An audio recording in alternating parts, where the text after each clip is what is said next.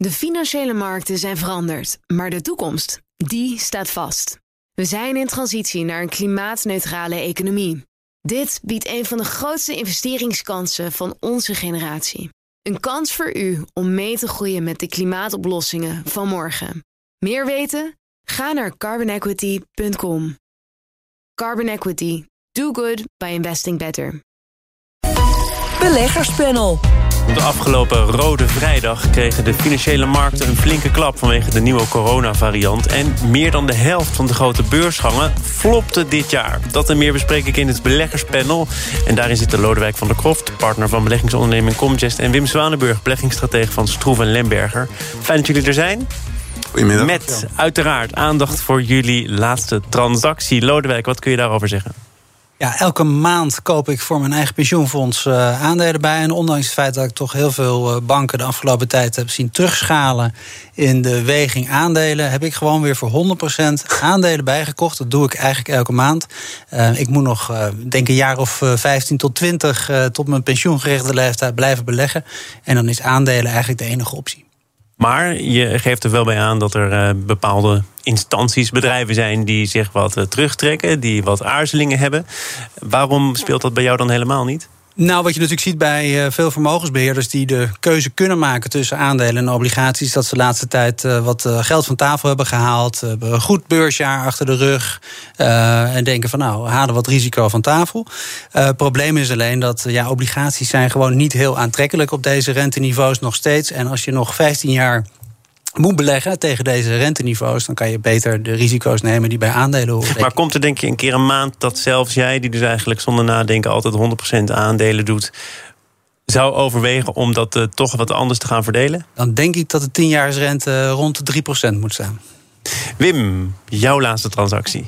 Nou, ik wil nog even aan op, Oh, op Lodewijk. Uh, die beleggingshorizon tot de pensioenleeftijd. Ik zou willen zeggen, je moet daarna ook uitgaan van je levensverwachting. Als je zelfstandig pensioen in eigen beheer hebt, dan moet je eigenlijk je beleggingshorizon echt tot je ultieme leeftijd uh, uitspreiden. Je Zorg... ultieme leeftijd? Ja, nou ja, wat, wat ingeschat wordt. Oh, okay. Laten we zeggen, de leeftijdsverwachting van mensen die 65, 67 worden, is minimaal 82, 83 jaar.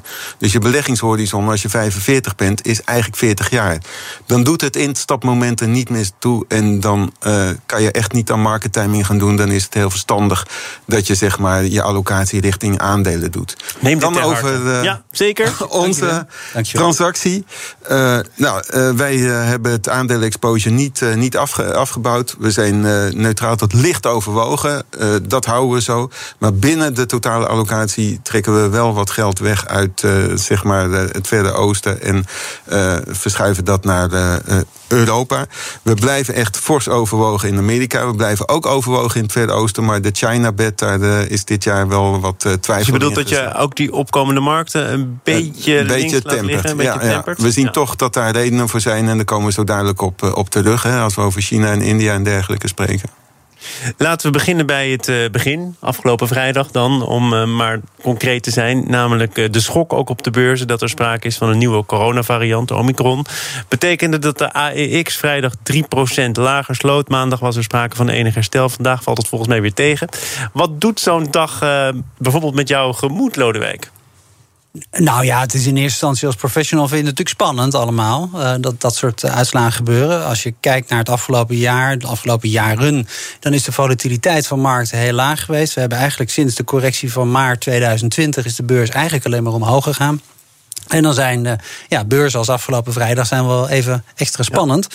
Um, uh, en je ziet dat uh, nou, vandaag beurzen weer een stapje terug doen. En dat heeft dan te maken met de opmerking van de voorzitter van Moderna. Die aangeeft dat het waarschijnlijk toch wel wat langer gaat duren voordat ze hun medicijn kunnen aanpassen aan de nieuwe coronavariant. Koen Bender zei hier eerder vandaag dat uh, die grote bazen van farmaceuten na Jay Powell ja. zo ongeveer de belangrijkste zijn als het gaat over het sentiment op de financiële markten. Lodewijk, deel jij die analyse? Uh, ik denk dat Koen het hier wederom bij het recht aan Wederom? Wim, denk jij nou, er ook zo over? Ja, maar ook uh, Jay Powell zelf deed een duit in het uh, zakje gisteravond... door zich eigenlijk een beetje in te dekken. Die zei van ja, als het nu allemaal langer gaat duren met corona... dan krijgen we meer fricties in de logistieke ketens. En daardoor zijn ook die prijzen opgelopen, de inflatiecijfers. Die ziet hij natuurlijk met de nodige zorg. En ook trouwens, de Fed spreekt altijd over het zogenaamde dubbele mandaat. Ze moeten niet alleen op inflatie, maar ook op de totale economie... op de arbeidsmarkt onder andere letten. En ja, als, als corona voortduurt, dan blijven die fricties voortduren. En zal je ook wat langer hogere inflatiecijfers kunnen verwachten. En de FED en andere centrale banken hebben steeds geroepen dat het allemaal een tijdelijke zaak was. Ik meen ook trouwens, als je kijkt naar de componentenanalyse, dat het inderdaad wel zo is dat we niet een structureel hogere inflatie moeten verwachten. Geen loonprijsinflatiespiraal. Maar wel dat het nog even komende maanden en zelfs kwartalen kan voortduren. Maar laat ik ook met jou nog even terugblikken naar vrijdag. Dat is dus een dag dat er op de AEX 3% afging. In Amerika nou, ging ook wel Aanvankelijk ging het zelfs wel meer. Dan ging het zelfs wel harder. En olieprijzen bijvoorbeeld, die kelderden ook even maar met 5, zegt, Dat vind ik als professional wel spannend. Wat nou, betekent dat voor jou? Wordt er gehandeld? Wordt er vergaderd? Zit je even stil? Nee, we, we, we, we tellen even onze knopen, inderdaad, letterlijk. Uh, maar niet dat we zeggen van dat, dat je gewoon grote opportunities hebt om erop in te springen. Ja, maar wat doe je dan? Je telt je knopen, nou, dat is natuurlijk een uitdrukking. Nee, je gaat even kijken waar, waar, je, waar je zit, waar de grootste risico's zitten. Maar de volatility die is heel gering, dat zei uh, Lodewijk ook al. De bewegelijkheid, als je kijkt, eh, de Dow die sloot uiteindelijk min 2,5. En dat was de grootste daler dit jaar. Kortom, dus gaat dat eigenlijk nergens over. Nou, bijna niet. En je ziet eigenlijk dat er een enorme veerkracht is. Dat er ook weer zo'n dag geruststellende mededelingen komen. Het begint in Azië, dan Europa. Europa altijd een beetje chagrijnig. Wordt opgetrokken door, uh, door Wall Street. En dan zag je gisteren ook al dat de beurzen weer wat uh, opveerden. Maar goed, het sentiment werd aan het eind van de dag weer een beetje verpest door die moderne topman en door de, de vet-president.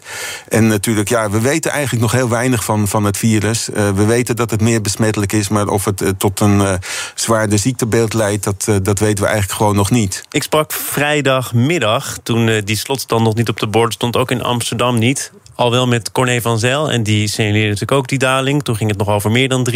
Maar hij zei, ja, natuurlijk gebeurt er een hoop. En ik kijk er met spanning naar. Maar het is eigenlijk ook wel weer ehm, zo voorspelbaar... dat het bijna saai wordt als je kijkt naar welke bedrijven er nou getroffen worden... en welke bedrijven er misschien zelfs wel positief uitspringen. Hè, PostNL en de bezorgers, die behoren dan weer tot de winnaars. En de oudere industrie, toerisme, uh, krijgt een klap. Ja. Was het zo voorspelbaar? Was het zo ja, saai? Ja, het was zeker heel erg voorspelbaar. Alle bedrijven die zouden profiteren van het heropenen van de economie... die uh, moesten allemaal weer stappen terugzetten. nou, vandaag zie je dat Heineken onder andere ook weer terug moet. Ja, wat als het betekent dat kroegen en dergelijke weer langer dicht moeten blijven... is dat een probleem. Um, wat je wel ziet, en dat is denk ik de reden waarom uh, kapitaalmarkten er relatief goed mee om kunnen gaan, is dat die bedrijfswinsten, die zijn gewoon hartstikke goed geweest de afgelopen periode. Uh, en dat zorgt er toch wel voor dat er een bodem ligt onder de huidige waardering, waarvan we al langer ook in dit programma zeggen, nou het is best hoog allemaal, ja, duur. Hoogtevrees. Um, maar ja, de S&P 500 uh, heeft een winstgroei van 40% laten zien hier to date. En dan is de vergelijkingsbasis natuurlijk met vorig jaar is makkelijk en hm. olieprijzen zijn opgelopen en dat speelt allemaal mee.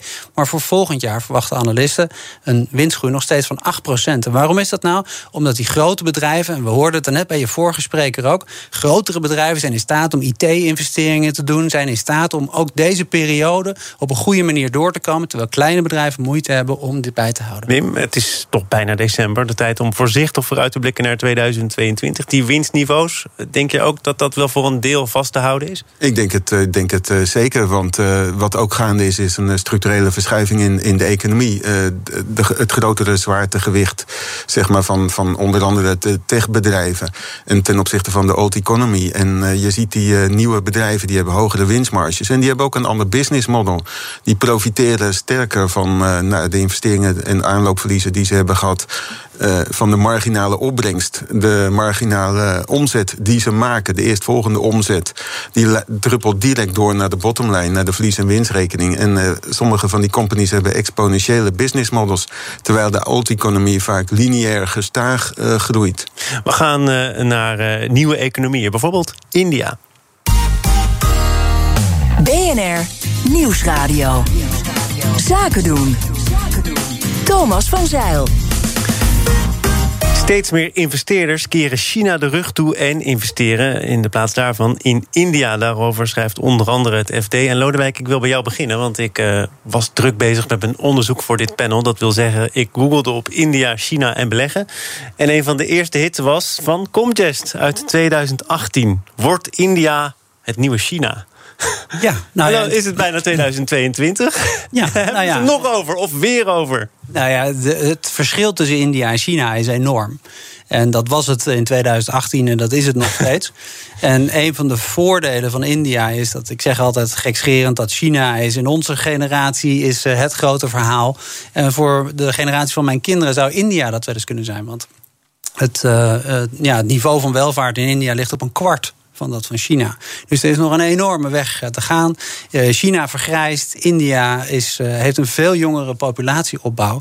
En dat zorgt ervoor dat er in principe heel veel potentie is voor India. Maar is dit nou ook zo'n verhaal dat je zo af en toe moet herhalen en dan wordt het vanzelf wel waar? Of blijkt het toch een luchtbel te zijn? Nou, als je kijkt naar de waarderingen voor Indiase bedrijven, liggen structureel hoger dan voor Chinese bedrijven. Dus beleggers die onderkennen dat er kwaliteit in India te vinden is. Het probleem van India is alleen dat het een democratie is en het is wat lastiger te sturen dan China. Bedoelde jij overigens, Wim, met het Verre Oosten... waar we het eerder in dit panel over hadden... bedoelde je daar ook India mee? Ja, zeker wel. En wij kijken ook met de positieve blik naar India... maar toch ook met een aantal eh, kanttekeningen. En eigenlijk ligt bij ons toch wel de nadruk meer op China... dan op, uh, op, op India. Uh, er zijn een aantal aantrekkelijke bedrijven in India die ook uh, sterk internationaal exposure hebben. Maar de binnenlandse economie in India die worstelt toch nog met een aantal zaken. Je moet ook niet vergeten, het is inderdaad wat uh, Lodewijk al noemt een democratie. Maar ook nog dat eens een keer. positief of niet? Nou, dat kan in sommige. Weer zo'n democratie. Ja, nee. in, in, principe is dat een positieve factor. Maar ze hebben ook een groot aantal deelstaten. En uh, laten we zeggen, Modi's populariteit begint toch af te nemen. Hij heeft de afgelopen de, jaren op een drietal hervormingen ingezet. Van de, van de landbouw, van de arbeidsmarkt en ook uh, landhervorming enzovoort. Nou, zolang ze met dat soort dingen uh, worstelen. Centrale BTW. Ja, ja. De BTW werd tot op heden lokaal geheven in plaats van nationaal. Ja. En dat zijn belangrijke stappen. En ik ben het met Wim eens dat, uh, dat er heel veel redenen zijn om je zorgen te maken over India. Maar aan de andere kant, we beleggen niet in India, de BV India. We beleggen in succesvolle bedrijven in India en succesvolle bedrijven in China. En hoe stabiel zijn die succesvolle bedrijven dan? Uh, een van de bedrijven die vaak voorbij komt, dat is uh, PTM, betaaldienst. Is naar de beurs gegaan. Dat zou een ontzettend groot succesverhaal worden. Nou, blijkt uiteindelijk dat daar binnen één dag al 40% meen ik van de waarde van verdampt is. Ehm, had je dat dan van tevoren wel als een succesvol bedrijf getypeerd? Nou, PTM is nog steeds een succesvol bedrijf. Alleen de beursgang is geen succes geweest. En uh, dat hebben we de afgelopen periode wel vaker gezien. Toch met wel waar jij ook met name naar moet kijken, toch? Nou, kijk, wij beleggen alleen in bedrijven die een zeker track record op de beurs al hebben gehad. Dus we zullen nooit in een IPO eh, stappen. Ook niet als het een uh, bedrijf als PTM is. Uh, maar wat je gewoon ziet de laatste tijd is dat bedrijven die naar de beurs gaan moeite hebben om hun introductiekoers te ontstijgen. Laat staan er overheen te gaan. En de helft, zoals je in de introductie aangaf, noteert onder de introductieprijs. Ja. Ja, het is, het is op dit moment een algemeen kenmerk van, van, van IPO's en van, uh, van, dus van beursgangen, van innovatieve companies. Da daar liggen de cashflows wat verder weg in de toekomst. Dit jaar hebben we gezien dat de rente, de inflatieverwachting uh, steeg. Dus dan heb je zeg maar dat verdisconteringsmechanisme is in het nadeel van die bedrijven. En als je kijkt naar de techsector als geheel, zie je gewoon dat er een concentratie uh, plaatsvindt, ook op de beurs. De beurswaarde van de grote techbedrijven die ook direct nu al winsten leveren, die dus zeg maar niet verder wegliggende kaststromen hebben. Dus ook een ander verdisconteringsmechanisme, die het zelfs ook beter doen dan verwacht. Die, die presteren heel goed, hè, eh, de Nasdaq 100. Maar wat daaronder zit, en zelfs bedrijven die vorig jaar enorm hebben geprofiteerd van uh, work at home enzovoort, uh, bedrijven als Zoom Communications enzovoort, Video Communications, die zijn dit jaar eigenlijk toch weer opnieuw afgestraft. Nou, maar onderliggend zie je dat daar een enorme omzetgroei plaatsvindt. En uiteindelijk ook wel behoorlijke winstgroei. Dus je kan die innovatieve sectoren niet, uh, niet mijden. Kom zo meteen nog even op die uh, geflopte beursgangen. Uh, nu eerst India. Want hoeveel heeft dat nog te maken met eh, China? Hè? Ik gaf wel aan, uh, China heeft dan een deel van zijn aantrekkelijkheid verloren. Dus uh, zoekt dat geld een uitweg naar India. Maar stel nou dat de Chinese toezichthouder zich de komende tijd wat minder activistisch gaat opstellen. en die bedrijven wat meer met rust laat. Is die populariteit van India dan ook, Lodewijk, denk jij van voorbijgaande aard? Nou, dat denk ik niet. Ik denk dat India uh, in de belangstelling blijft staan. Alleen dat uh, de nadruk op India nu een beetje wordt gelegd omdat China in de hoek van de, zit waar de klappen vallen. Ehm, maar je moet niet vergeten dat bijvoorbeeld vorig jaar China het heel goed heeft gedaan. De beurs van China heeft een heel goed jaar achter de rug gehad. India daarentegen juist een heel moeilijk beursjaar. Dus wat dat betreft kan je niet op basis van de afgelopen negen maanden concluderen dat de een succes is en de andere een failure. Um, de realiteit is dat, dat India een hele lange weg nog te gaan heeft. Dan, uh, jullie waren er al half aan begonnen, dus ik wil jullie ook niet teleurstellen. Die, uh, die beursgangen die floppen. De helft van de wereldwijde beursgangen van een waarde van 1 miljard dollar of hoger wordt verhandeld onder de oorspronkelijke prijs. Daarover schreef onder andere de Financial Times. Ja, heeft het dan toch ook te maken met uh, de begeleidende banken, de investeringsbanken? Ik noem een Goldman Sachs, die toch meegaan in dat verhaal van overwaarderen? Nou, overwaardering. Kijk, uh, we, we zitten gewoon, ondanks de volatiliteit, ondanks de kleine correctie van de laatste dagen, zitten we natuurlijk echt op een, op, op een piek. En uh, nou, met zo'n uh, enorme golf komen er ook weer beursintroducties. zeg maar vroege investeerders die ook hun, hun investering willen verzilveren.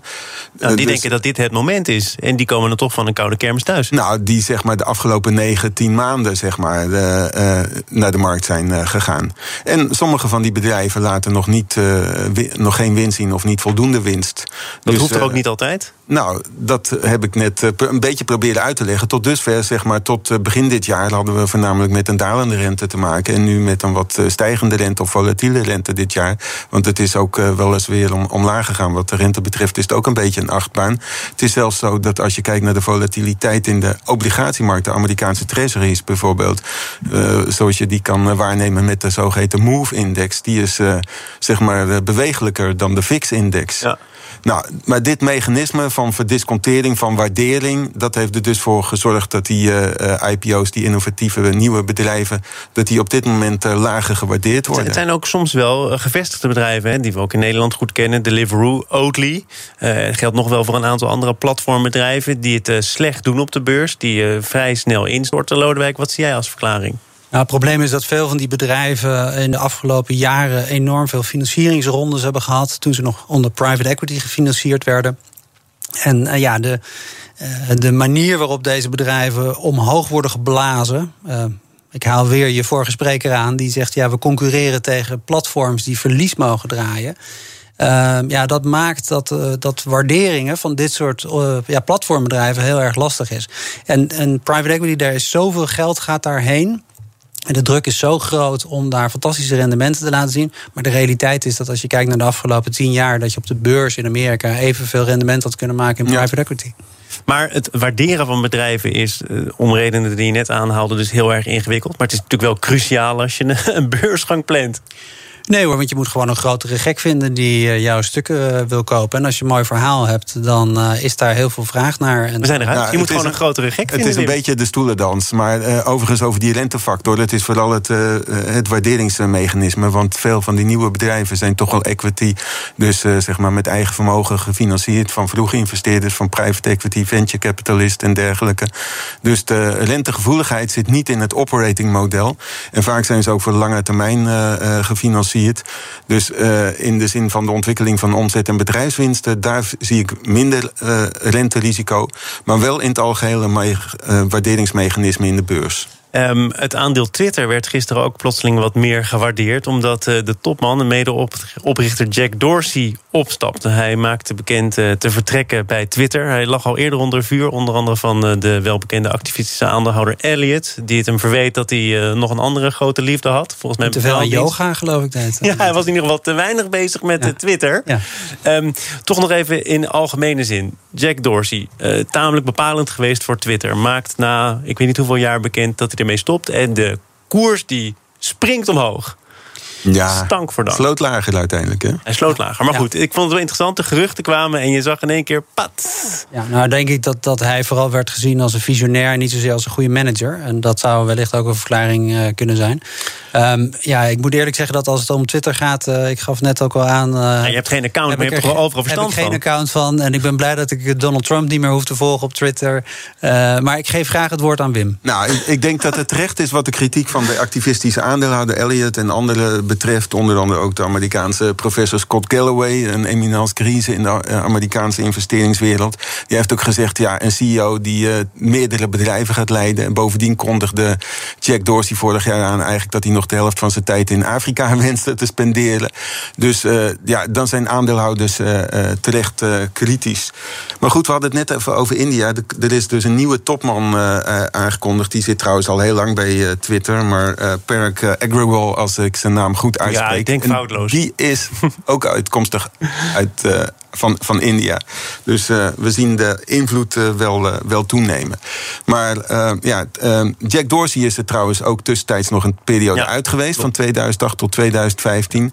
Ik denk dat hij sinds 2015 het bedrijf weer heel aardig op de rails heeft gekregen. Hij heeft partnerships gesloten met, met andere companies. hij heeft het op de rails gekregen, maar wat er uiteindelijk niet doorgegaan is, dat is een overname door Disney onder andere, waar nou, vergevorderde gesprekken. Hij begon, hij begon heel goed hè, met Periscope, de registratie van live events, door ook videoregistratie registratie, videocontent aan te bieden, onder andere met de NFL. Maar hij werd later overtroefd door een uh, betere bieder en dat was uh, Amazon uh, samen met, met Disney voor de, voor de NFL. Maar ik denk dat daar wel nog een, een perspectief ligt. Maar een, een oprichter, een durfkapitalist, die, de eerste ondernemer, die, die heeft andere kwaliteiten zeg maar, dan de manager die een bedrijf tot nog heeft nog lang volgehouden, begrijp ik. Ja, en hij heeft inderdaad nog die andere liefde en dat is Square. het Square, betaaldienst en eh, fintech eh, bedrijf. Ben jij net zo streng en zeg je ja, als je echt eh, meerdere liefdes tegelijk hebt, je wil ook nog in Afrika zijn, je wil yoga doen, je wil Square tot een succes brengen en tegelijkertijd ben je een van de grote mannen van Twitter. Dat kan eigenlijk niet, of is dat een te klassiek? Nou, Elon Musk laat zien dat het wel degelijk kan als je meerdere hobby's erop tijd op te twitteren. dus dat zou ik niet durven beweren, maar over het algemeen zeggen toezichthouders, raden van commissarissen zeggen, schoenmaker, hou je bij je leest, concentreer je op datgene waar je voor bent ingehuurd. Veel CEO's die hebben ook elders uh, posities zeg maar, in, uh, in, in de raad van commissaris of in, in, in de boards. Dus ze verdelen hun aandacht sowieso toch wel. Ik denk trouwens dat uh, Jack Dorsey ook het bedrijf Twitter in een redelijk goede staat achter, achterlaat. Het laatste kwartaal registreerde Twitter toch nog weer een 37% omzetgroei. Ze hebben 320 miljoen maandelijkse gebruikers, meer dan 220 miljoen dagelijks actieve gebruikers. Alleen dus het is wel een actief segment. En ik snap eigenlijk van. Uh, hij leest natuurlijk veel sites en zo. Hey, Lodewijk. Lodewijk. Maar Twitter is echt gewoon bij far het nieuwste nieuwsmedium. Alleen je moet wel een goede geur hebben, een goede neus hebben. Dat je fake nieuws en echt nieuws ook weet te onderscheiden. Ik dank jullie dat jullie bij het beste nieuwsmedium eh, te gast waren, namelijk de radio. Lodewijk van der Kroft van Comgest en Wim Zwanenburg van Stroeven Lemberger. Dank voor jullie komst. Graag gedaan. Zometeen zou ik uh, zeker blijven luisteren, want dan gaat het over high-tech mini-zwembaden Nederlandse tuinen. En het hoeft geen enorme kasteeltuin. De financiële markten zijn veranderd, maar de toekomst, die staat vast. We zijn in transitie naar een klimaatneutrale economie. Dit biedt een van de grootste investeringskansen van onze generatie. Een kans voor u om mee te groeien met de klimaatoplossingen van morgen. Meer weten? Ga naar carbonequity.com. Carbon Equity. Do good by investing better.